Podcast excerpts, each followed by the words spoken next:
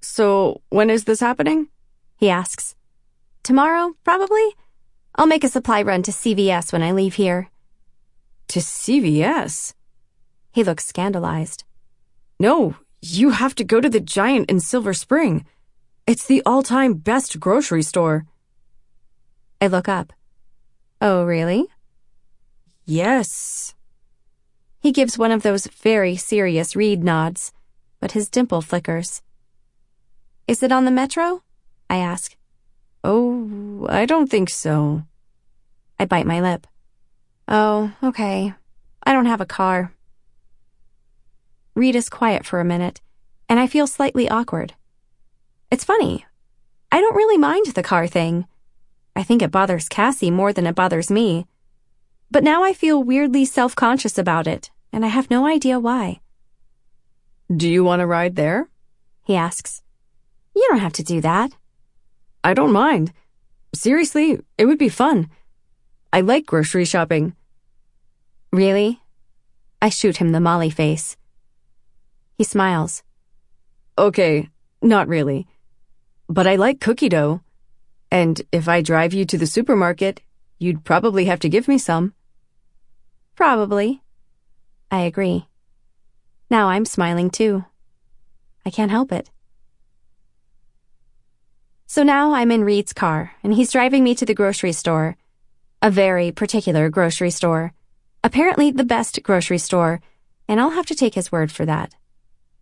An immediate perk of riding with Reid, he's placed a bag of Cadbury mini eggs open between us in front of the gear shift. You know what I love about Cadbury mini eggs? I lean back against the seat. Their simplicity. Right? No one appreciates that. I'm really over fancy desserts. Like, I'm sorry, but anything with citrus infusion and caramelized kumquats or almond and Cointreau or anything like that. I mean, does anyone actually like that stuff? He laughs. Nope. They just think they're supposed to like it because they're trying to look classy. Trying and failing, says Reid. Utterly failing. We pull into the parking lot of Giant, and Reid picks a spot by the cart return. Then he twists off the ignition and looks at me with this solemn expression. Are you ready for the grocery experience of a lifetime? Well, I'm pretty sure I've been here before. But not with me, he says firmly. Not with you. I feel suddenly shy. It occurs to me, as we're crossing the parking lot, that people probably assume we're a couple. Like maybe we're a college age couple grabbing food for the night. Young lovebirds. Boyfriend and girlfriend. It's like when someone mistakes the random guy sitting next to you on the metro for your dad. There's a line of carts near the entrance, but as soon as I ease one out, Reid tugs the front end and guides me over to a bench outside the store. Then he pushes the cart to the side and sits, looking up at me expectantly. I sit down next to him. So now you need to take out your phone. Why? You'll see. He pulls his own phone out of his pocket. And get into your notes app. Okay. I'm smiling. He's being kind of bossy, and I'm sorry, but it's hilarious. It's like when your teacher leaves the room for a second and puts a well behaved kid in charge. Reid is a well behaved kid on a power trip. And it's so cute, I have to play along. You got it? He peeks over my shoulder. Good. Now, write down the titles of three pop songs from the early 2000s. What? Why? Because those are the rules. So I just write down any pop songs? I ask. Yep, but choose wisely. I pause for a moment, finger poised above my keypad. I want to pick the absolute worst ones. I want the ones that almost ruined music. They come to me quickly. 1. Stacy's mom. 2. Skater boy. 3. I'm not a girl, not yet a woman. Excellent, Reid says. Let's see yours. He tilts his phone toward me, and I burst out laughing. Because in another life, I'm pretty sure Reid was someone's dorky dad. He even looks proud of himself. 1. Find me into club. two. The one with the girl playing the piano singing about if she could fall into the sky. 3. Justin Timberlake. So now what? I ask. Good question. The rules are as follows. If any one of your songs gets played, you get 20 points. If the supermarket plays them. Yes. So out of every song in the entire world, you think this supermarket will play one of the six random songs we happen to choose? Absolutely. I laugh. Why? It's magic. He shrugs. And because all grocery stores play early 2000s pop music, it's federal law. I'm skeptical until the moment we walk into the store and Stacy's mom is playing. Oh, hey, 20 points to me, I say. Reid groans, leaning into the cart handle. Beginner's luck. He eases the cart down the baking aisle and literally makes it three steps before getting distracted by tubs of frosting. Ooh, hey. He picks up some Duncan Hines chocolate. Oh man, I would sit and eat this with a spoon, like yogurt. Is that weird? Is that a real question? Seriously, I want to know. Is there anyone who wouldn't eat a tub of chocolate frosting like yogurt? All of a sudden, I'm inspired. Can I add a rule to our game? Definitely. Okay. I grin. Quick challenge. 10 points to whoever finds the grossest flavor of frosting in the next minute, starting now. I set the stopwatch on my phone, and we both fall silent. I'm feeling very competitive for some reason, which isn't like me at all. Maybe this is what it's like to be Cassie. She used to win all the competitions at camp hot dog eating, pig Latin speaking, watermelon seed spitting, and all the other things I never really cared about. But I care about this. I want the 10 points. These 10 nebulous points that count toward literally nothing. And it's exhilarating. I scan the shelves, and almost everything is pretty standard homestyle chocolate and funfetti and cream cheese. There are a few contenders, like coconut pecan and key lime but in the end, I have to throw my shade at Betty Crocker's limited edition maple bacon. Not okay, Betty. Reid is flailing at the 45 second mark.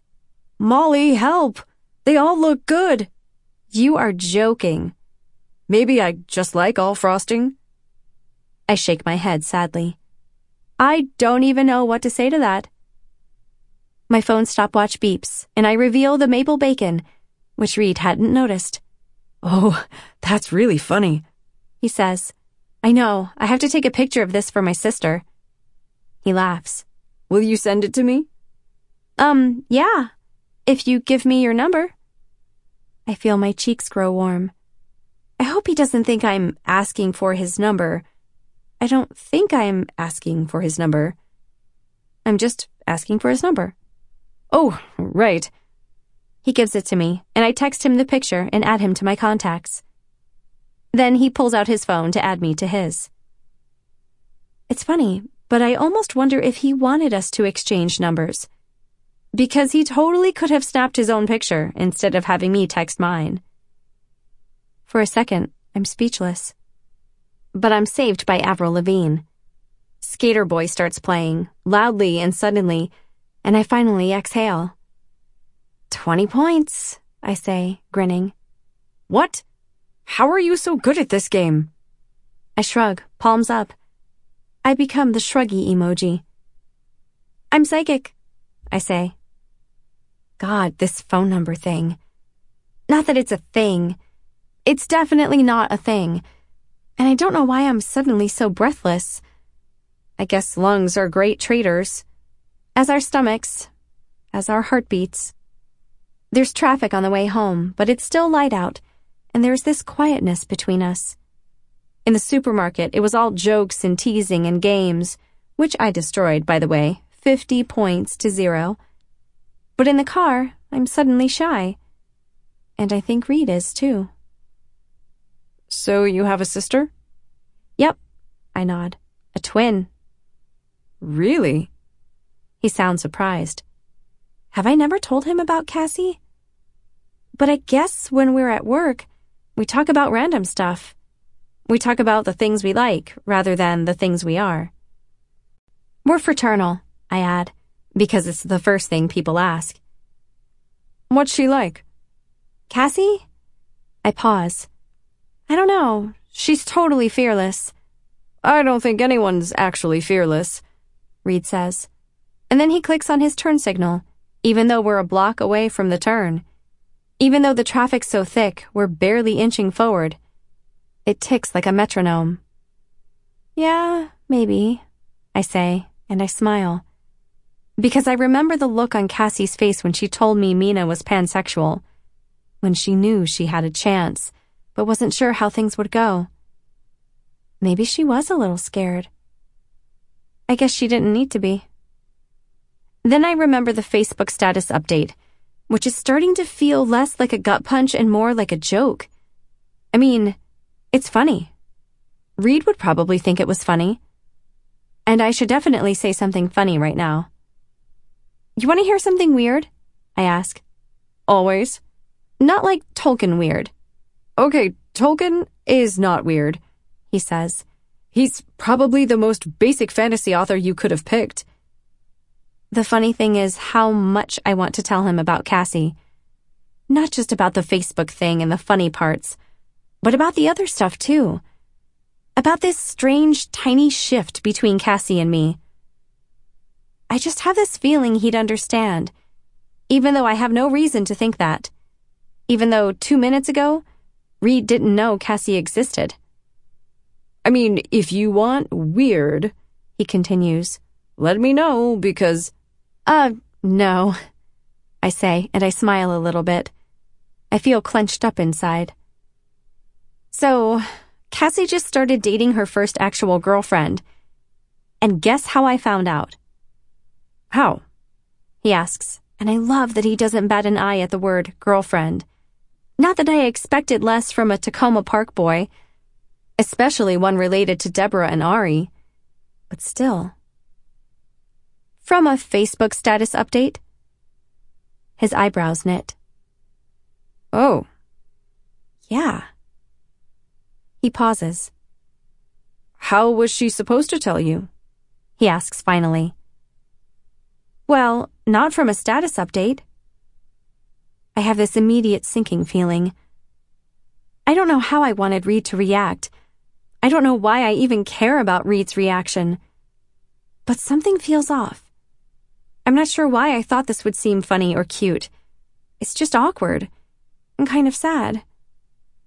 I turn quickly toward the window. Molly, he says after a moment. Yeah? We're stopped at a light now, and I feel him watching me, trying to decide if he should say something. I stare at my wrists, at my bright rows of friendship bracelets. I taught Abby how to make them in the spring before she left and we both still wear them, always. But thinking about Abby right now gives me this little prickle of sadness. Because she's in Georgia, and Cassie has a girlfriend. And everything and everyone are moving at a million miles an hour. You shouldn't have had to find out on Facebook, he says finally. I shrug. I'd be sad about that too, he adds and oh, there's a lump in my throat. That's another thing about me.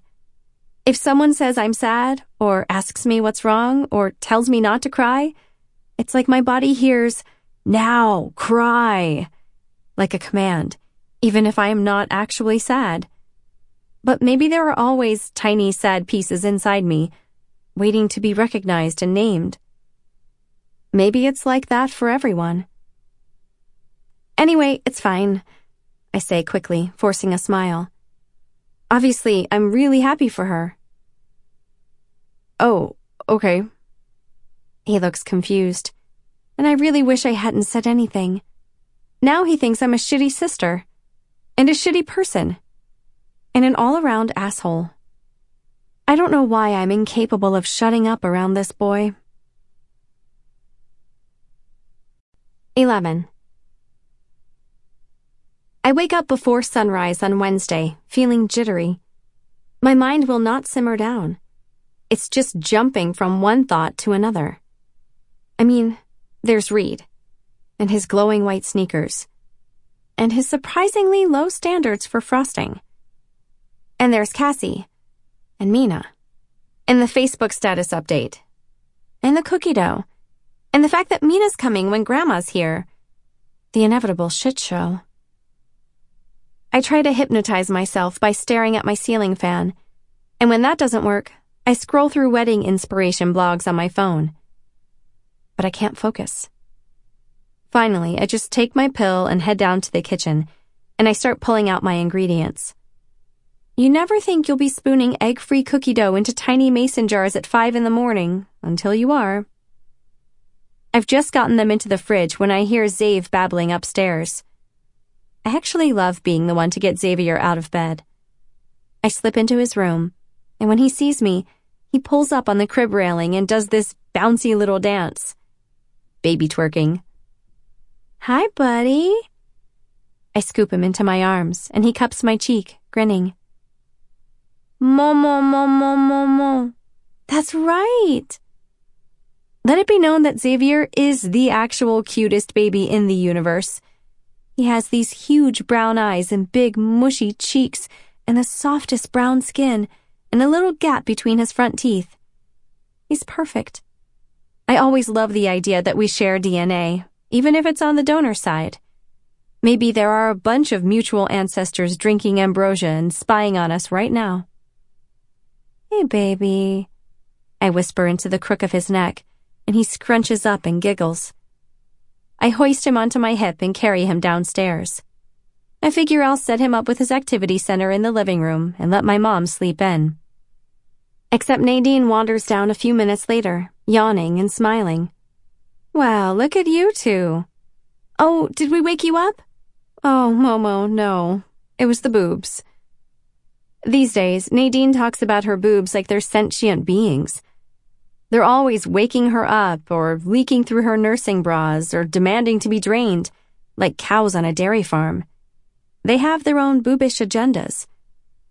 I pass Xavier to her, and she lifts up one side of her pajama shirt. Zave glomps right on. So, I heard this rumor, Nadine says, sitting up straight against the back of the couch. About Cassie? She grins. How did you know? The mom chain. Otherwise known as Olivia's mom. Olivia tells her mom everything, and her mom tells my mom's everything. It's a pretty foolproof system. I settle onto the armchair with one of Xavier's toys. It's one of those interactive button pushing ones that sings animal songs in an unnervingly chipper male voice. God, that thing needs to burn, says Nadine.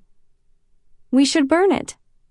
Yeah, but you know, another one will just spawn in its place. That's right, Xaver Zave, she adds. He's popped off the boob to grin at her.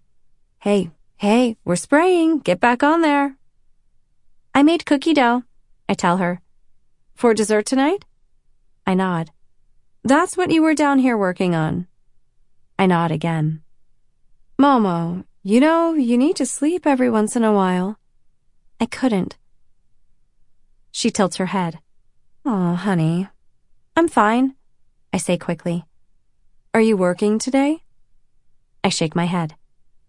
Okay, well, oh, now we're vibrating. She scoots forward and gropes around for a minute under her butt. I think I'm sitting on your phone. She pulls it out and hands it to me. You're getting texts like crazy. Look at you, Miss Popular. Who's texting you at seven in the morning? Um, probably Abby. But when I glance at my phone, there's this tiny hiccup in my chest. I've missed two texts from Reid. Need any help making cookie dough? And by making, I mean sampling. Xavier's still on the boob, but he swings his arm back to make a grab for my phone. Nice try, I tell him. Nadine snorts. The kid wants an iPhone. Okay, I feel like a jerk because now I want Nadine and Zave to leave so I can write back to Reid. It's funny because Cassie texts girls at the table and in the living room and in the car and everywhere. I honestly think she'd coordinate an orgy in front of all of us. On the couch between Nadine and Patty. As long as they're not actively reading over her shoulder, she doesn't care. But I can't text a boy in front of my mom's. I just can't. Not even Reid. So, Mina and Grandma tonight? Nadine yawns. How the hell did that happen? I laugh. I don't know. I think it was Mina's idea. Cannot believe Kitty Cat's allowing it.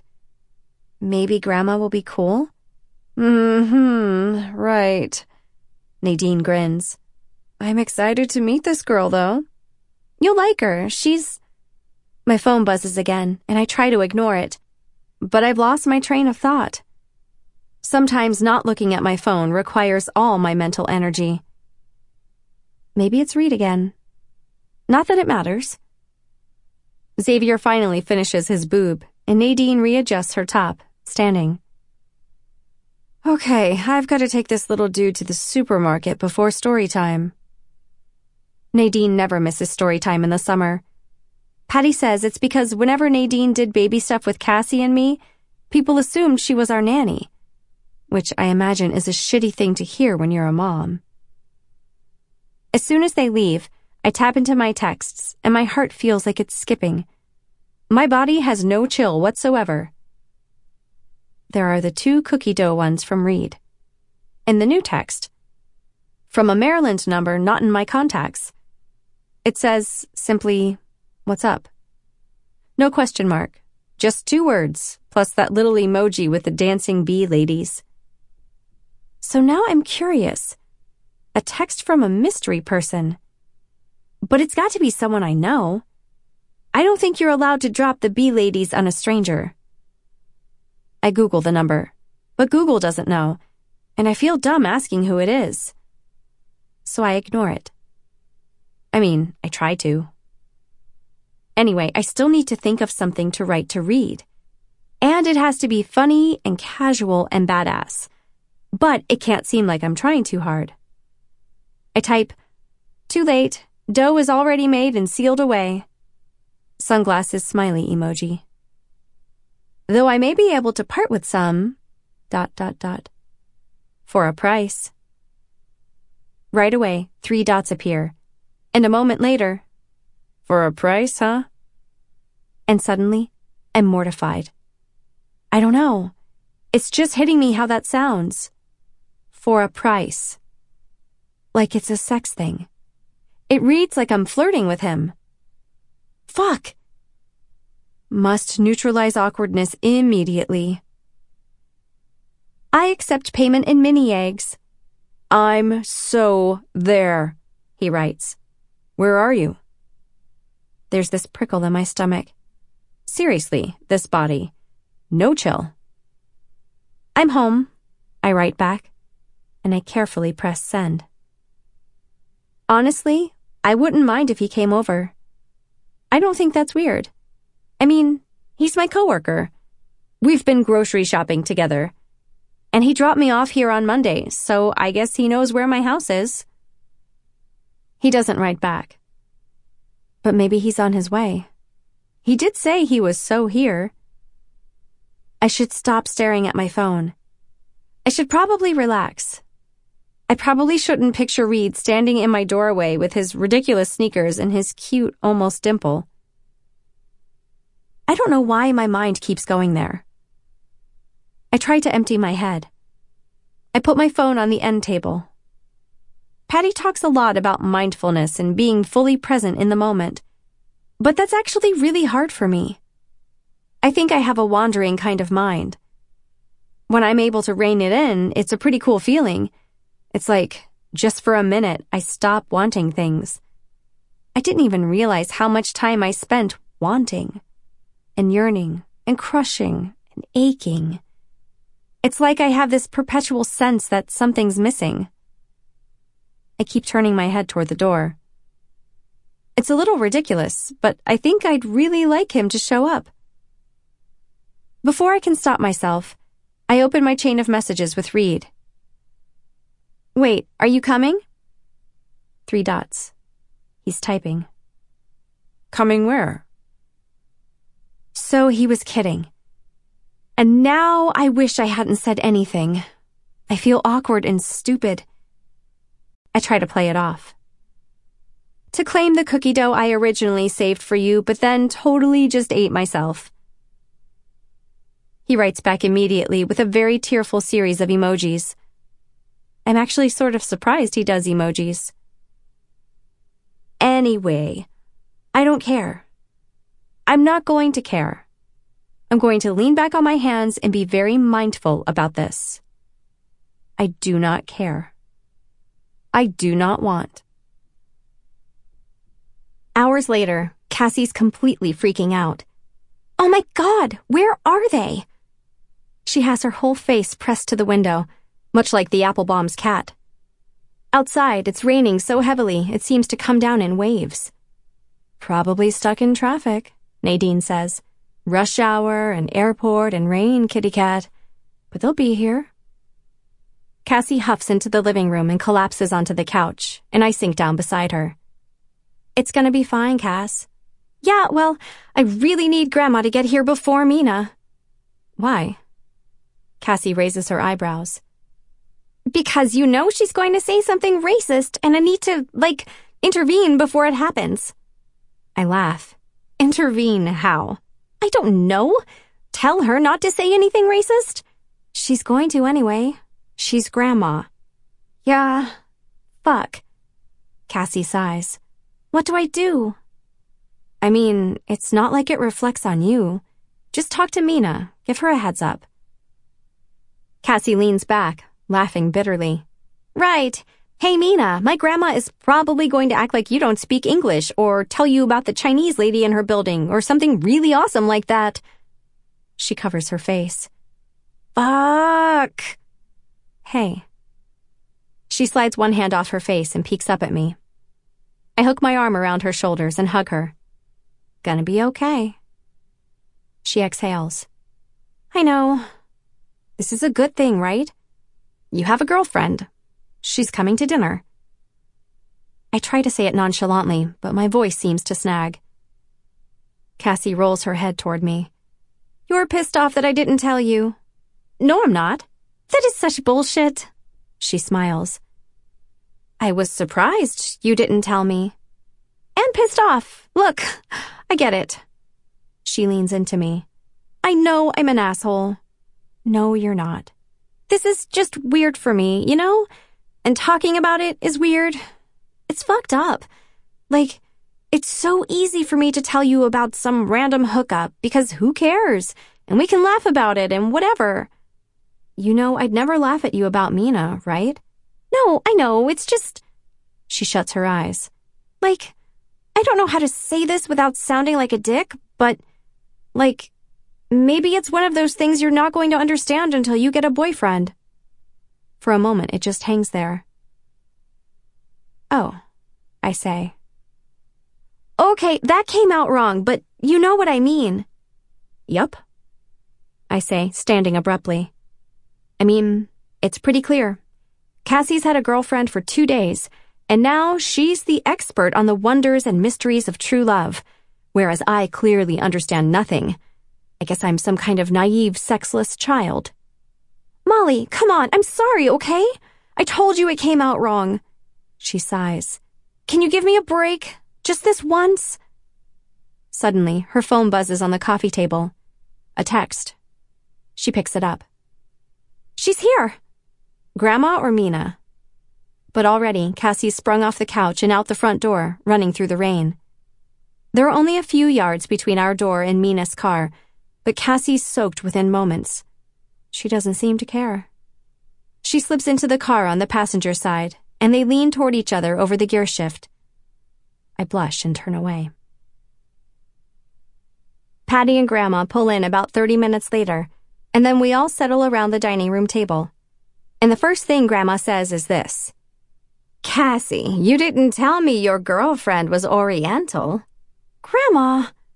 Cassie hisses. She shoots Patty a desperate look. Patty winces. Mom, you can't say that.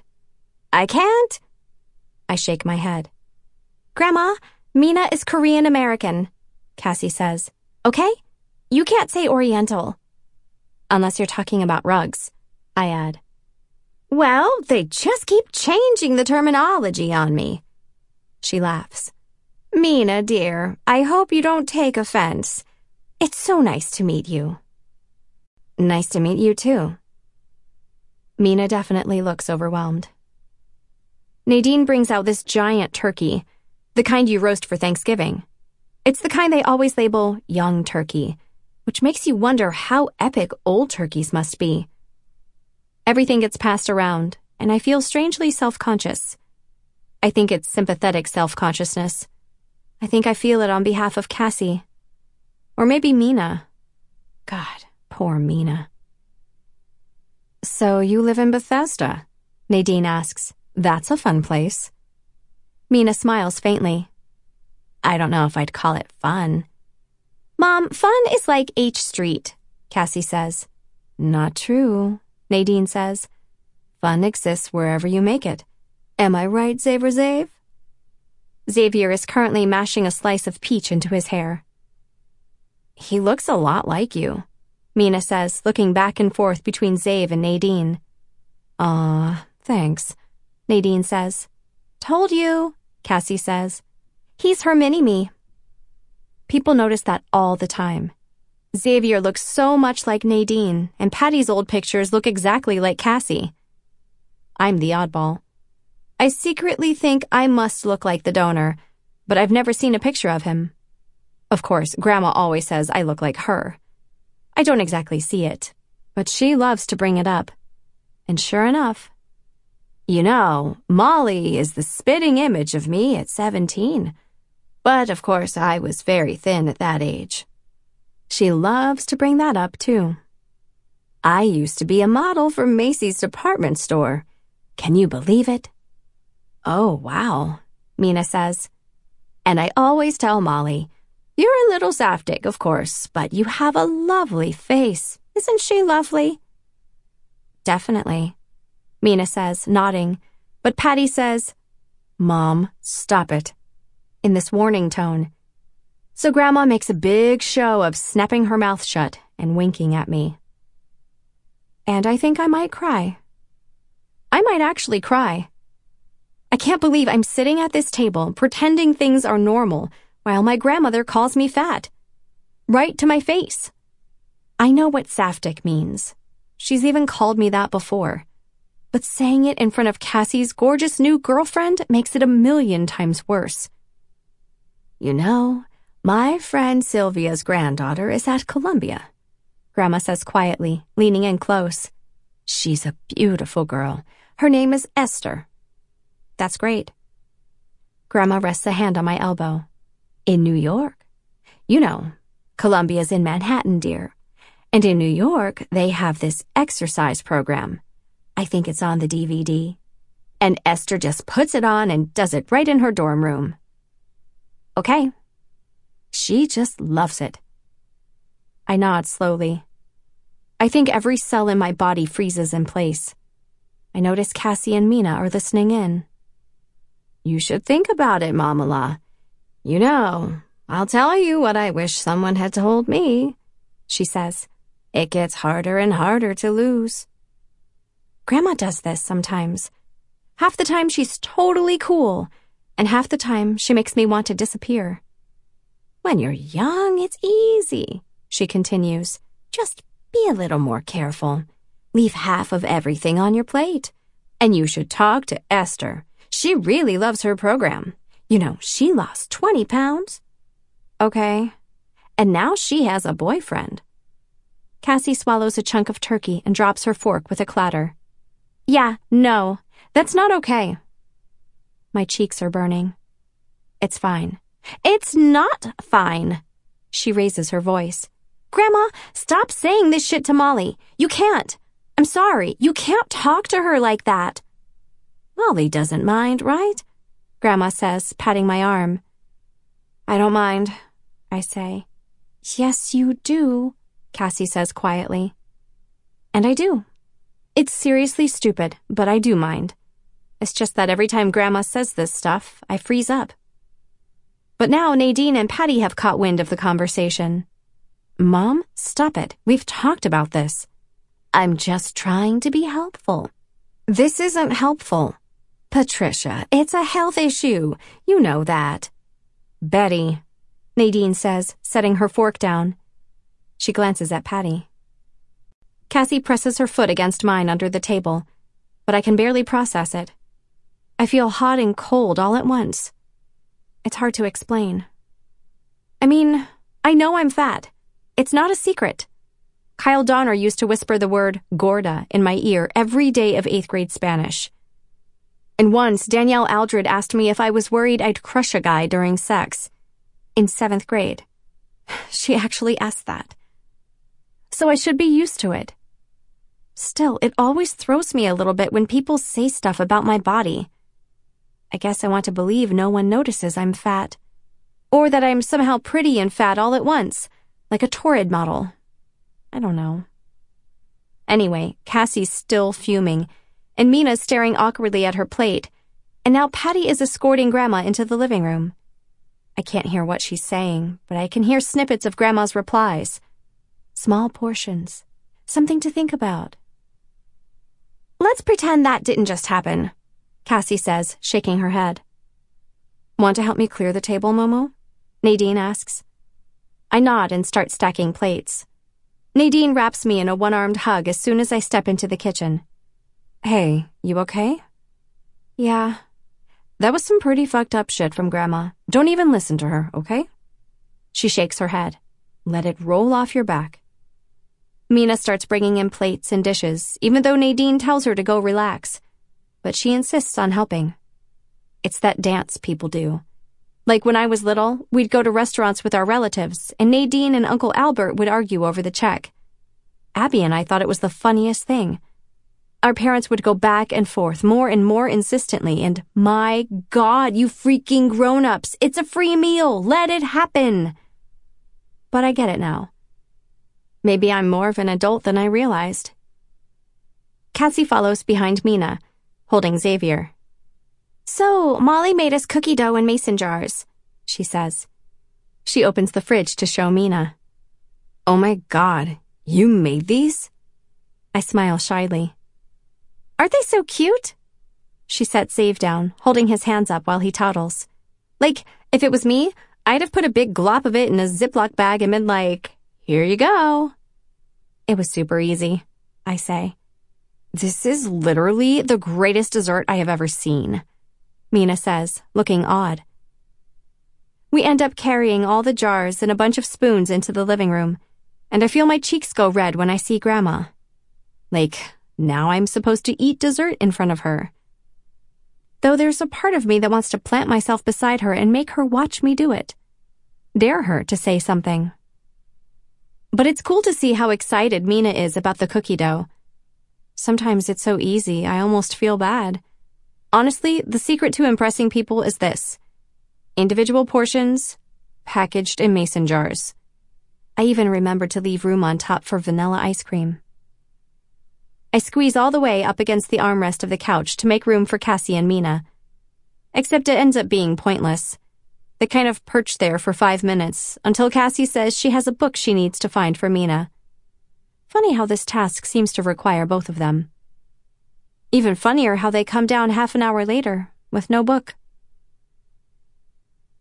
I'll be staying in Cassie's room for a few days until Grandma goes home. We actually used to share this room. Cassie never got rid of her bunk beds, so when we have house guests, I reclaim my bottom bunk.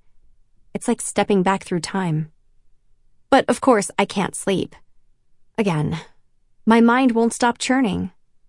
I fluff up my pillow and stare at the underside of Cassie's bed frame, which is still lined with glow in the dark animal stickers. And probably decade old boogers. I wasn't the classiest child.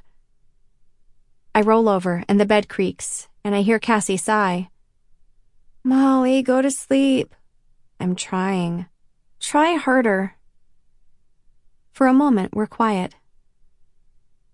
I know you're still awake, she says. So are you.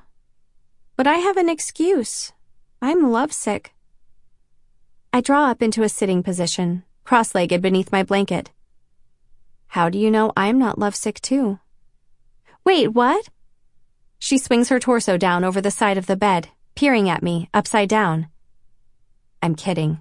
No, you're not. Oh my god. He texted you, didn't he? Who are we talking about?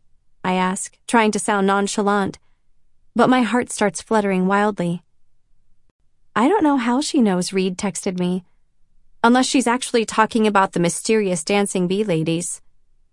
So here's the thing, she says. It's dark, but I can see her twist of a smile.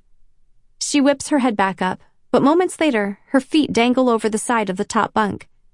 She pushes off with her arms and lands neatly on the ground in a crouch. There's a ladder. She never uses it. Another fundamental difference between us. Mina and I might have given Hipster Will your number. What? Oh man, I really thought he was going to text you. She sinks onto the end of my bed, tugging her pajama shorts down. He wimped out, huh? What a dipshit. I don't understand. Molly, this is part of the mission. The boyfriend thing? I told you, we're making this happen. She shakes her head. I can't believe he didn't text you. I blush. Um, I think he did. What? I push my bangs out of my face. I don't know. I got a text from a random number, but I didn't know who it was. Holy shit, what an idiot! He didn't tell you it was him? I shake my head. What did he say? I don't even know if it was actually him. I paw around the floor for my phone and tug it out of the charger. Here. I pull up the text and hand her my phone. She laughs. Yeah, that's Will. He sent you the bee ladies? Apparently. Oh my god, I'm dying. I have to tell Mina. She rubs her cheeks. That's so fucking great. You should write him back. And say what? Anything. Seriously, it doesn't matter. You just have to keep it going. She leans back against my pillow and sighs. I love this. I'm dating Mina, and now you're going to date her best friend. Um, I don't think that's happening. I feel warm. I must be utterly, inhumanly red right now. Look, I'm just saying he's a good target for our boyfriend mission, okay? I really like him for you. He's sweet, he's cool, he's artsy, and he has great taste in music. And he's cute, right? Yes, I say softly. And he's Mina's best friend. I know. We always said we were going to marry best friends, Cassie says. You and Mina are getting married? Wow. Fuck you. You know what I mean. But she's blushing. I'm just saying, he's Mina's friend. That's very convenient for us. And I really think he likes you, Molly. I shake my head. No, he doesn't. Okay, you know what's fucked up? She looks me straight in the eye. That you don't even seem to think that's a possibility. Well, I don't. But I do. I mean, I honestly don't know. 12. And now Cassie won't stop talking about it. The will thing. She's being a little too hardcore. I know for sure she's consulted with Abby, Olivia, and Mina. It's really pretty embarrassing. It would be nice if I were the kind of person who didn't require a battalion of wing women to make this happen. I just feel like I'm a really defective girl in some ways. So now I'm wearing this black top I got a couple of weeks ago with an empire waist and a black lace overlay. I've worn it before, though always with a camisole underneath and a cardigan over. Except Cassie has forbidden both the camisole and the cardigan. And she pulled me into the bathroom for smoky eyeshadow, and then Olivia made my hair wavy, and the attention of them dressing me felt strange. But not bad. You look so pretty, Cassie had said. Doesn't she look so pretty? And Olivia paused for a moment before agreeing. Yeah, you really do. I felt this warm, happy flutter when she said that. And when I glance at myself in the window of the metro, I actually think they're right. I look okay. I look better than okay. I feel strangely brand new. We get off at Woodley Park and cross the bridge to Adams Morgan, and Mina and the boys are already waiting for us in front of the bar. Will is holding a man purse, but he's more pissed off than I've ever seen him. Okay, this. This is ridiculous. He runs a hand through his hair and huffs. Since when is there an age limit for music? It's a bar, says Cassie. But it's not about the booze, says Will. It's about the music. Look, I get it. Why doesn't he get it? Will stabs a finger in the general direction of the bouncer and, honestly, growls. Whatever. Fuck him. You can still kind of hear it out here, Cassie says. Not the same. Here. Drink. Cassie reaches into her purse and pulls out a thermos, passing it to him. What's this? Lemonade, she says. Will sips it and turns to her, grinning. With peach schnapps, she adds. I want. Mina reaches for the thermos. And I want jumbo slice, she adds, smiling extra contagiously. Twenty minutes later, I'm packed tightly onto a wooden bench with Cassie, Mina, and Olivia, and I'm holding the most epic slice of pizza. And a Coke. And the boys are sort of hovering over us. There's this couple a few yards away gazing at each other really intensely, and Max is pretending to narrate their thoughts. And Cassie and Mina are trying to seem casual about the fact that they're holding hands, but their expressions are like sunshine through window shades. I feel happy. And a little lonely. But they're cute. And it's nice. I can't explain it. I guess it's this feeling of rightness. Like I'm saying the right things and I'm in the right place. Like I'm the right person. I wonder if that even makes sense. I lean over to whisper to Olivia about it, but then there's a nudge on the toe of my flat. Hey, Will says. You never wrote back to my text. Oh, I didn't. He laughs. I'm just kidding. It's fine. I didn't know it was you, I say. Cassie snickers, and I realize she and Mina are both listening. Well, now you know. His blue eyes meet mine, and I feel myself blush. I clear my throat. Is there any more schnapps? As it turns out, Will's man purse is full of 50 million miniature bottles of booze. No more schnapps, but he dumps an entire tiny bottle of rum into my Coke. Um, okay, that's. Cassie leans over to steal a sip. Wow, that's strong. To be honest, I don't have much to compare it to. I don't think I've ever had more than a sip of anything. I'm not supposed to, with my pills. But I just need something tonight. I need to not feel like myself for a minute. I'm wavy hair Molly. Cardigan less Molly. Rum and Coke Molly. I think the street is tilting, says Cassie. Do you guys see that?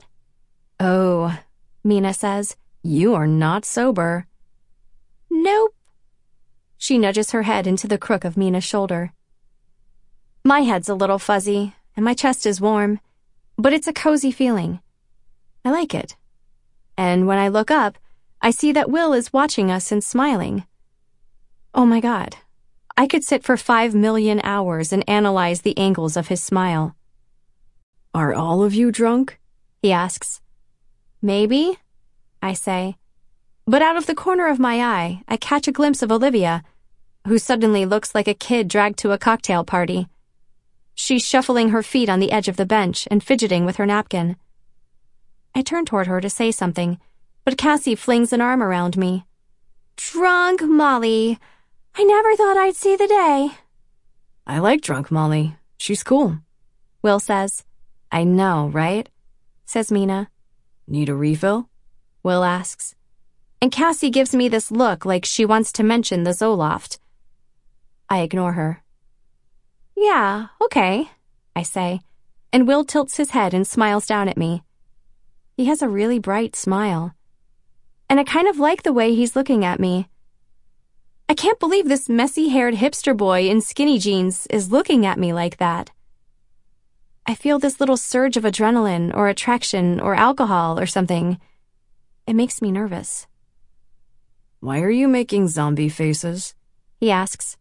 What? Just relax. Zombies are relaxed. He laughs. You are so freaking funny. I feel like this conversation is spinning too quickly, but maybe that's a good thing. And when I look up at Will again, his smile is smaller, but better. More intimate. And I'm blushing so hard I think my face is burning off. So maybe Cassie was right about the cardigans. And maybe this is how it happens. Maybe this is actually happening. But I don't see how it could be. Because Will is so cute and so cool, and I'm just me. And I'm way out of my depth. It's like trying on a dress that doesn't quite fit. I'm telling you, it's on, Cassie whispers. Except it's not really a whisper, because oh my god, drunk Cassie is so fucking loud. I'm 100% positive Will can hear her, and Max can hear her, and all of 18th Street can hear her, and probably people in Antarctica can hear her. If there even are people in Antarctica. Are there people in Antarctica? Maybe a small settlement of explorers. I feel like Reid would know this. I have no idea why I think that. And I don't know why I'm even thinking about Reid. Especially when I'm sitting in the glow of Will Haley's tiny sunbeam smile. I like him so much, Cassie adds, not so quietly. He's your best crush yet. I approve. Team Will. Cass, stop. I cut my eyes toward her. I feel so self conscious. I feel like I'm naked on a giant circular stage with an audience extending out to infinity in all directions. It's a little unbearable. More than a little. Yeah, I think I'm gonna go. I say. What? No, Cassie says. Don't leave. I'm not ready. You can stay. It's fine. And you're just going to Metro home by yourself? Cassie asks. Molly, you're drunk. So are you. She stares me down. I'll go with her, Olivia says after a moment. Cassie narrows her eyes at both of us, but I know she's not going to argue. She wants to stay too badly. You better text me when you get home, she says, squeezing my hand. Sure, I say, trying not to laugh. Because the protective sister thing is cute, but I'm pretty sure Cassie's not going to be sitting here waiting for my text. It's probably hard to check your phone when you're suctioned onto Mina's face. We'll leave soon, okay? She says. I'll see you at home. Another thing I'm not sure I believe. The farther we walk from Adams Morgan, the more Olivia relaxes. Sorry, I'm just feeling kind of off tonight, she says as we approach the bridge. I think I just need to get home and into pajamas so I can Netflix and chill with Titania. Titania. The dog. I press a hand to my mouth. Olivia, you cannot Netflix and chill with Titania. That does not mean what you think it means. Wait, I'm confused she says. I think you Netflix and chill with Evan, I say, letting my eyebrows explain the rest. Oh. Yeah. I mean, I just want to watch Netflix. She looks slightly traumatized. I know. Oh God. Me too. And it's true. Even hearing the word Netflix has a way of centering me. Netflix means not having to suck in your stomach or think of anything smart or adorable to say. It means a whole night of not wondering what people think about you. No alcohol, and no flirtation, and no confusion, and every organ calm and settled. Perfect. Exactly what I want. Except there's this tiny, perverse part of me that wants to run back down 18th Street to hear Will Haley say I'm so freaking funny. Even though that's the quickest way to unsettle my organs. And it's the literal opposite of Netflix. But that's me. I always want opposite things. Um, Molly? says Olivia. You're sort of zigzagging. Oh, oops. You sure you're okay? I'm totally okay. Okay. She bites her lip. Hey, do you mind if I call Evan really quickly? I want to catch him before he goes to bed. Here are the facts about Evan Schulmeister. He falls asleep at 10:30 with earplugs and a retainer and wakes up at 5 to run 3 miles every day. totally, totally fine, I say. I think I'm saying totally a lot. I'm totally saying totally a lot. This must be a special feature of drunk Molly. Just like regular Molly, but with 150% more totallys. Olivia pulls out her phone and walks a few steps ahead of me, and I take my phone out too. My head feels funny, light and spinny and wobbly, but my brain still works well enough to text. Abby, what are you doing right now? I really, really kiss you. Haha, miss you, not kiss you. I add. And now I'm walking along the bridge, and Olivia's still talking to Evan, even though she's seeing him on Sunday. I mean, she's literally driving up to Pennsylvania to see him in two days, and she's still cradling the phone like every second on the line is precious stolen time. That Evan Schulmeister. So I just amble along behind her, pulling out my phone every few seconds to see if Abby's written back. Which she hasn't. I text her again. Abby, my love, where are you? Then I almost bump into someone. But I feel my phone buzz, finally. And it's Abby.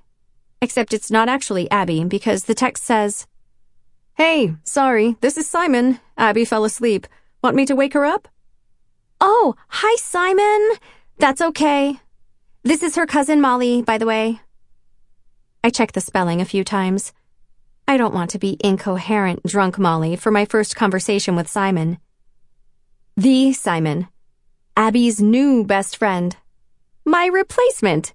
Ha ha ha ha ha ha ha ha. Yeah, it's not funny. Hi, Cousin Molly, Simon writes. I can't believe she's asleep already, I say. I know. She fell asleep watching Harry Potter. Side eye emoji. I write back frantically. What? That is the worst. She is the worst. She's a squib, he writes, which makes me smile all the way to Woodley Park. Olivia doesn't hang up until we step onto the escalator, and she's quiet for a few minutes.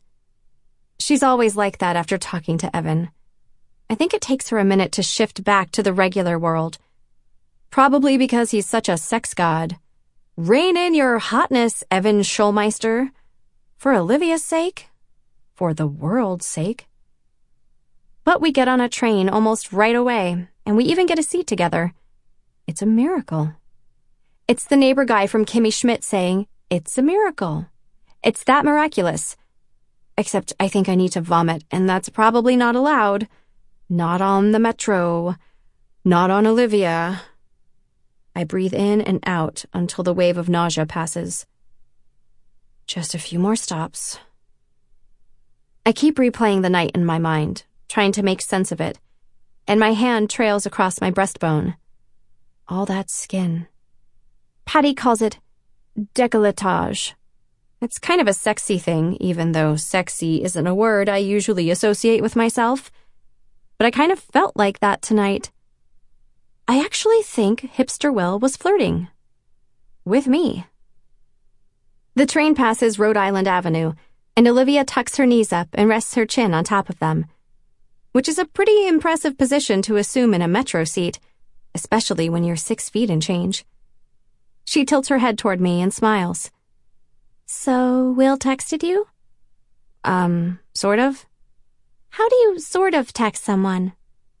I close my eyes and lean back. I don't know. Well, I think Cass and Mina forced him to. Olivia giggles. No, I mean it, I say. I'm pretty sure Cassie made Mina harass him until he did it. So, Cassie forced Mina to force Will to text you? Exactly.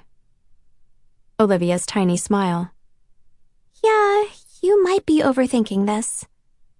But here's the thing Olivia doesn't get. I'm not trying to overthink things. I'm trying to be less careful. But you have to be your heart's own goalie. And if I'm going to be rejected, I want to see it coming. 13. I wake up to my phone buzzing. Four texts from Abby. Were you drunk texting Simon on my phone last night? And I'm not a squib. What's a squib? Did you seriously get drunk? I can't move yet.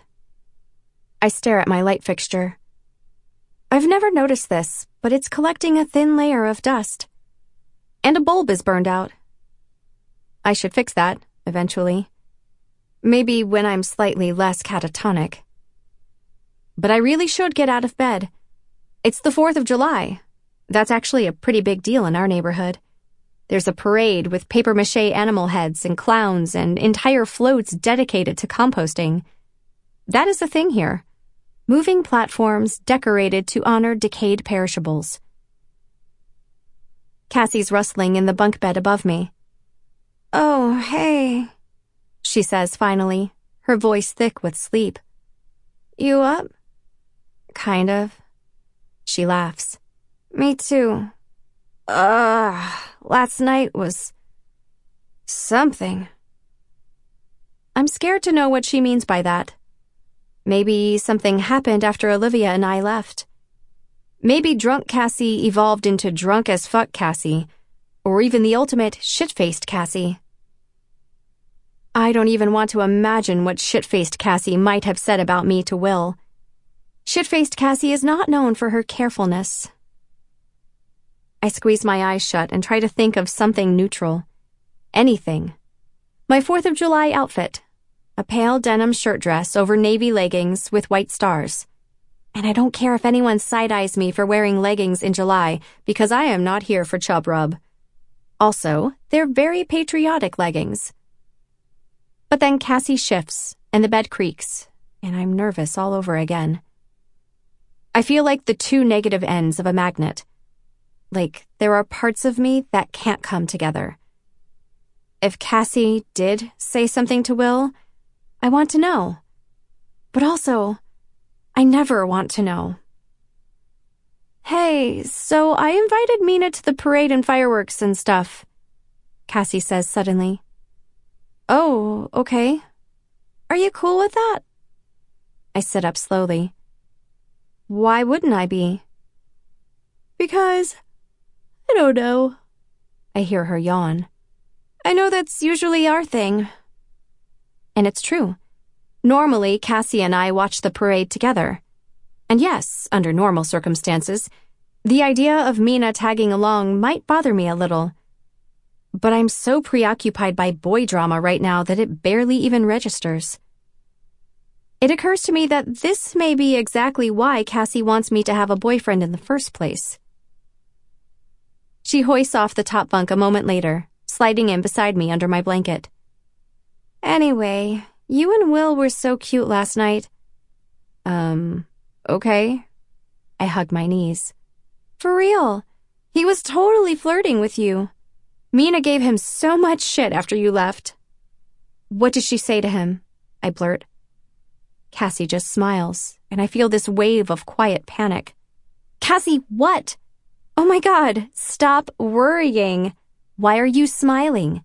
Because you actually like this guy, and it's so fucking cute. Crush number 27, right? I don't have a crush on Will. Cassie laughs. okay. Wait, did you tell him I did? Molly! No, stop freaking out. Okay. And for a moment, she's silent. But like, okay, real talk, she says finally. This boyfriend thing, do you actually want this to happen? I don't know. I guess so. She rolls her eyes. That's a yes, and that's great, okay? You're allowed to want this. I bite my lip. But at some point, you have to put yourself on the line, you know? Okay, I know she's right. I mean, my brain knows it. But I can't seem to get the rest of me on board. It's like trying to hold my breath. There's this protective thing inside of me that opens my mouth, unpinches my nose. I know, I say. Like, say Will knew you were interested. What's the worst that could happen? He'd reject you? So what? You move on to crush number 28. Move on. So what? But there's this awfulness that comes when a guy thinks you like him. It's as if he's fully clothed and you're naked in front of him.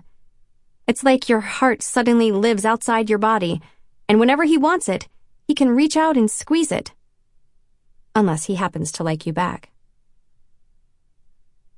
I don't want to third wheel it with Cassie and Mina, so I end up going to a parade watching party near the dance exchange with my moms, and Xav, and Grandma. Wild times. It's hosted by these people Nadine knows from baby group, so the party is full of babies.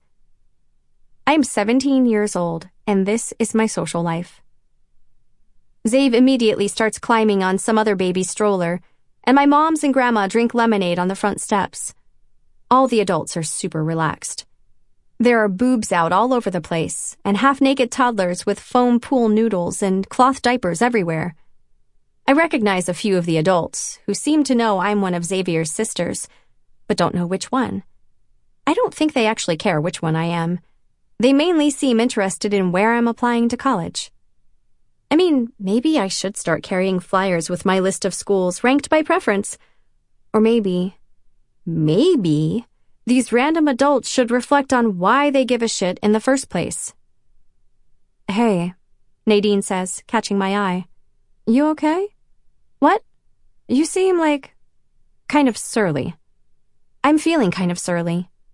Okay, well, now you're smiling, she says. Way to ruin it. But she's right. I am surly and moody and not quite myself. This must be a hangover thing or a Cassie making my brain hurt thing. Either way, I'm clearly unfit for human company right now. But then I glance across the street, just in time to see Reid step onto the sidewalk. Reid Wertheim. Here, of all places. And he looks as surprised to see me as I am to see him. I cross the street to greet him. What are you doing here?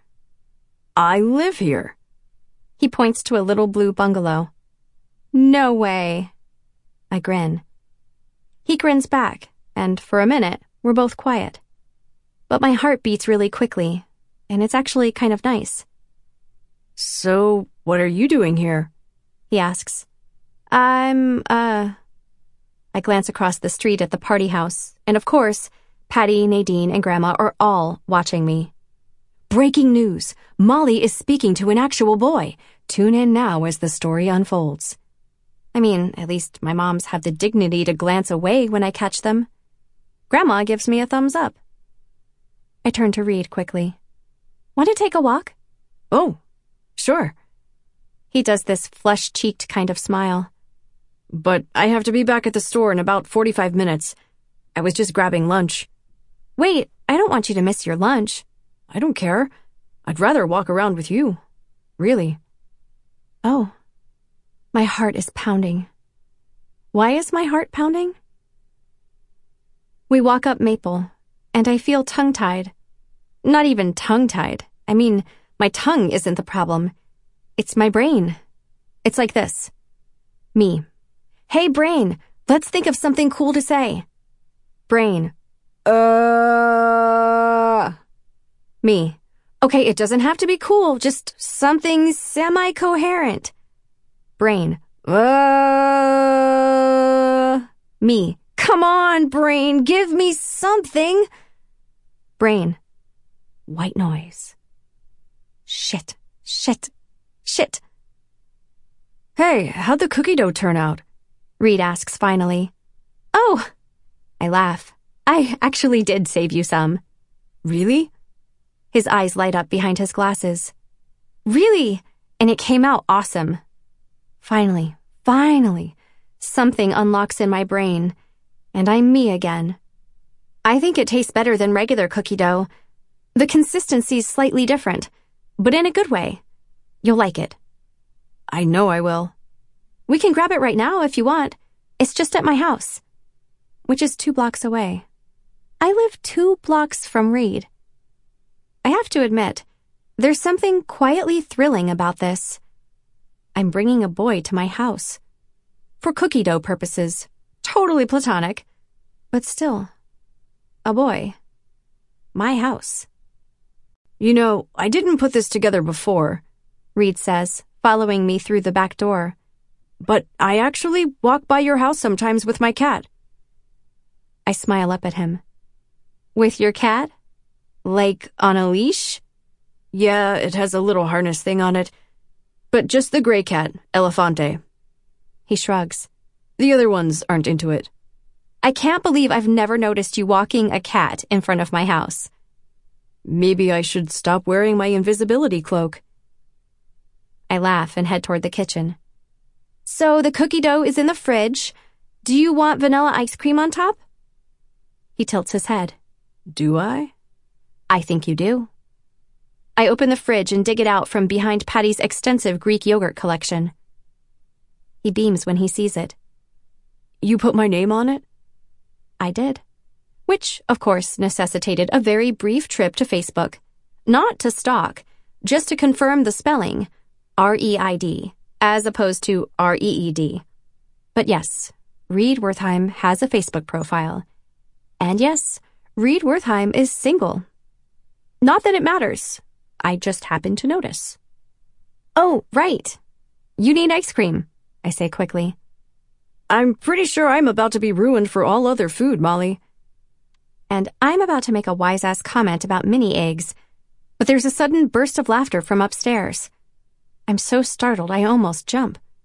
I definitely thought Reid and I were the only ones home. But then I hear Cassie's voice, and Mina's low, husky laugh, and oh. Oh. And all I can think is this. Dear God, please let this not be sex.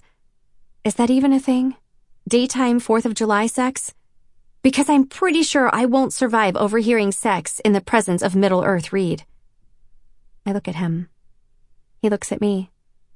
And then I hear the familiar creaking thud of Cassie's footsteps on the stairs. She and Mina appear in the kitchen doorway moments later, fully clothed, holding hands. Whoa, I didn't know you were home, Cassie says. We just got here. Aw, Molly, you look so cute and patriotic, says Mina. And then she looks up at Reid. Oh, hey. Reid looks startled. Hey, Mina. I look back and forth between them. Wait, you know each other? Reid nods. We go to school together. Cassie peers up at him. But I don't know you. Oh, this is Reid, I say, trying to sound casual, which shouldn't be this difficult. This should be an effortlessly casual situation. And this is my sister, Cassie. Oh, you're the guy from work, Cassie says. There's this hanging pause, during which Reid nods, and I blush, and Mina looks at Cassie, and then the freezer starts beeping. So I shut it quickly and pass the ice cream to Reid. Super casual. Though now Reid knows I've mentioned him to Cassie, which is pretty great. Let's just add him to the list of guys who now think I'm obsessed with them. Anyway, Olivia's meeting us at the cheesecake place, Cassie says. Come with us. Right now? She nods. Put some ice cream in there and let's go. Reid has to go back to work, but he walks with us up Tulip Avenue, hugging the jar of cookie dough to his chest. He and Mina end up talking about this teacher from their school, and I'm still kind of thrown by the fact that they know each other. It's not like I mind but it's this little shift in my head. And I guess it kind of sucks that he seems to have forgotten about me. I mean, maybe this teacher they're talking about is a really interesting person. None of my teachers are that interesting, to be honest. But when we get to the Cheesecake Bakery, Reid turns to me suddenly. Okay, well, he says, and his hand hovers close to me, like he's about to rest it on my shoulder. Or maybe he's about to hug me. Maybe. It would definitely be cool if my brain could keep functioning right now. But there must be a force field around me, because Reid whips his hand back and wraps his hands around the mason jar like a baseball bat. Cool. Well, I guess I'll see you at work, he says, waving briefly. Then he grips the mason jar even tighter and starts walking toward town. I can't believe you work with Reid Wertheim, Mina says, pushing through the door of the bakery. She holds the door for Cassie and me, I've known him since first grade. He's so sweet.